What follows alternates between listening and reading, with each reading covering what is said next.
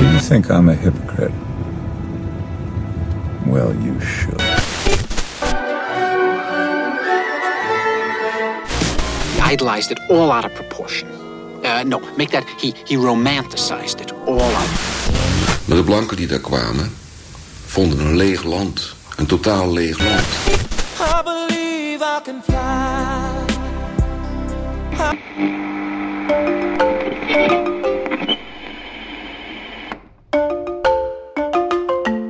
R. Kelly? 31 jaar de gevangenis in voor kindermisbruik. Woody Allen? Ja, die trouwde met de adoptiedochter van zijn ex. En is aangeklaagd, niet veroordeeld, voor het misbruiken van een andere adoptiedochter. Gerard Reven? Allerlei racistische uitspraken en fantasieën over seks met minderjarigen. Caravaggio? Die vermoorde iemand vanwege een potje tennis. Roman Polanski? Die drogeerde en verkrachtte een 13-jarig meisje. Gian Lorenzo Bernini? Liet het gezicht van zijn minnares bewerken met een scheermes. Omdat ze ook nog een andere minnaar had. Roald Dahl? Een werkelijk vreselijke man voor zijn directe omgeving. En hij zei onder andere dat Hitler de Joden natuurlijk niet voor niets had uitgekozen. Pablo Picasso? Misbruikte zijn geliefde en joeg meerdere van hen daardoor de dood in. Rembrandt van Rijn? Die liet zijn minnares opnemen. Ja, en zo kunnen we nog even doorgaan, Lieke. Wekelijks komt er wel weer een nieuwe naam in het nieuws. Van een schrijver, filmmaker, muzikant, componist... die beschuldigd wordt van wangedrag. Het lijkt wel alsof steeds meer sterren van een voetstuk vallen. Van kunstenaars die in musea hangen... tot de muzikanten in je Spotify-playlist. En dan gaat het natuurlijk ook altijd over cancelen. En het gaat over een enorm spectrum. Van verkrachting en kindermisbruik tot foute denkbeelden en gewoon een eikel zijn. De een is veroordeeld en bij de ander zijn er slechts vermoedens. Ja, en dat is natuurlijk allemaal op zich niet goed. Maar even heel flauw gezegd, hè, wat doet het ertoe? Maakt het uit hoe een kunstenaar of maker zich gedraagt in zijn privéleven? En Allard, willen we die vraag eigenlijk wel stellen? Want het kan ook niet leuk zijn als je ontdekt dat jouw held ook vreselijke dingen uitspookte.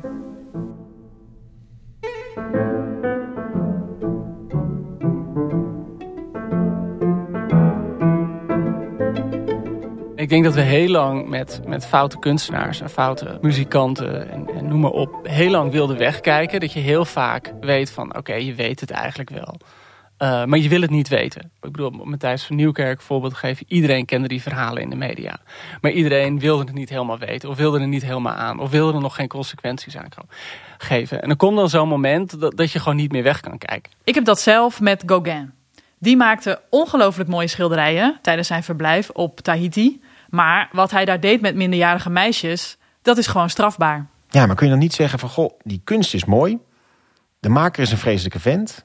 Ik hou ze gewoon uit elkaar en geniet van de kunst. Juist bij zo iemand als Gauguin is het denk ik ook heel moeilijk om te zeggen van ja, maar we moeten uh, de kunst van de kunstenaar scheiden. Juist omdat al die meisjes uh, met wie die van alles en nog wat uitspookte ook in die kunst zitten. Hè? Dus uh, dat maakt deel uit van dat werk. Sterker nog, we zijn de biografie en persoon van de kunstenaar steeds belangrijker gaan vinden.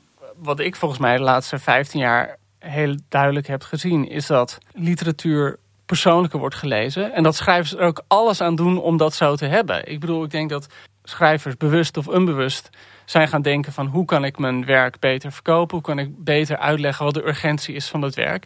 En het antwoord waar ze heel vaak toe zijn gekomen, zeggen van oh, het is super autobiografisch. Dat geldt voor literatuur, maar helemaal voor popcultuur.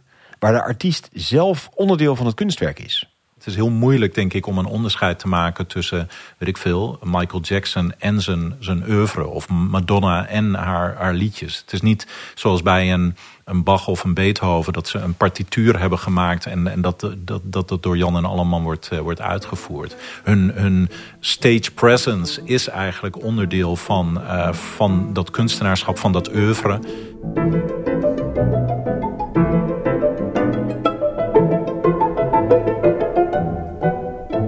Maar vervolgens, wat moeten we met al die foute kunstenaars?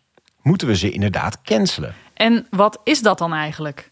Besluit je dan zelf om bepaalde muziek niet meer te beluisteren? Of moeten boeken uit de handel genomen worden? Moet er altijd een waarschuwing bij? Moet je als museum een bordje erbij zetten, zo van deze man deed vreselijke dingen? Of besluiten om een bepaalde kunstenaar helemaal niet meer tentoon te stellen? En durf je dat dan met iedereen te doen? Want Je kunt toch moeilijk voor altijd Picasso in het depot laten liggen? De meest succesvolle artiesten die kunnen inderdaad heel veel maken, om, omdat ze eigenlijk bijna too big to fail uh, zijn.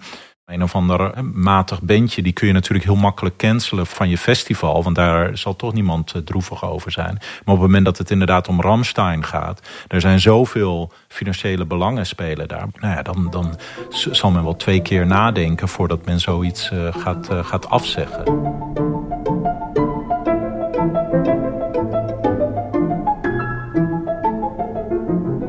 En ja, Ramstein laat maar weer zien dat je toch ook heel voorzichtig moet zijn. Ondanks de verhalen over misbruik en het drogeren van fans, zijn er uiteindelijk toch onvoldoende aanknopingspunten voor een rechtszaak tegen de zanger van de band. En neem bijvoorbeeld Kevin Spacey. Die is vrijgesproken. Hij is wel super hard getroffen. Hij kreeg geen filmdeals meer sinds de beschuldigingen aan zijn adres. Zijn we dan niet toch gewoon te snel geweest in onze veroordeling? En stel, iemand heeft wel bewezen iets op zijn kerfstok. Kunnen we hem of haar op een gegeven moment dan toch vergeven? Ja, en dan zeg je heel aardig hem of haar, Lieke, maar laten we wel wezen. Het gaat tot nu toe alleen maar over hijs. We hebben allemaal mannelijke genieën die we ja, te lang hun gang hebben laten gaan. Omdat hun kunst zo goed is, zijn we bereid alles door de vingers te zien. En dat is precies het lastige. Want we willen namelijk dat kunst schuurt, dat het tegen draads is, dat het de wereld laat zien zoals we hem niet kennen. Dus dat kunstenaars dan soms hun boekje te buiten gaan. Ja, vragen we daar misschien dan zelf een beetje om. Kijk, wat, wat wil je van kunst? Je wil toch uiteindelijk dat een kunstenaar zichzelf botviert. En zijn eigen obsessies volgt. En zijn eigen thema's en driften en lusten en nou, fantasieën volgt. Dat is gewoon het vrij spel van de kunstenaar. Maar op dit moment heb je soms het gevoel dat we van twee walletjes willen eten. We willen en die hele bijzondere kunst. En tegelijkertijd willen we ons dan zelf wel beter verklaren dan de kunstenaar die ze gemaakt hebben. Want wij doen niet die vervelende dingen die zij wel doen.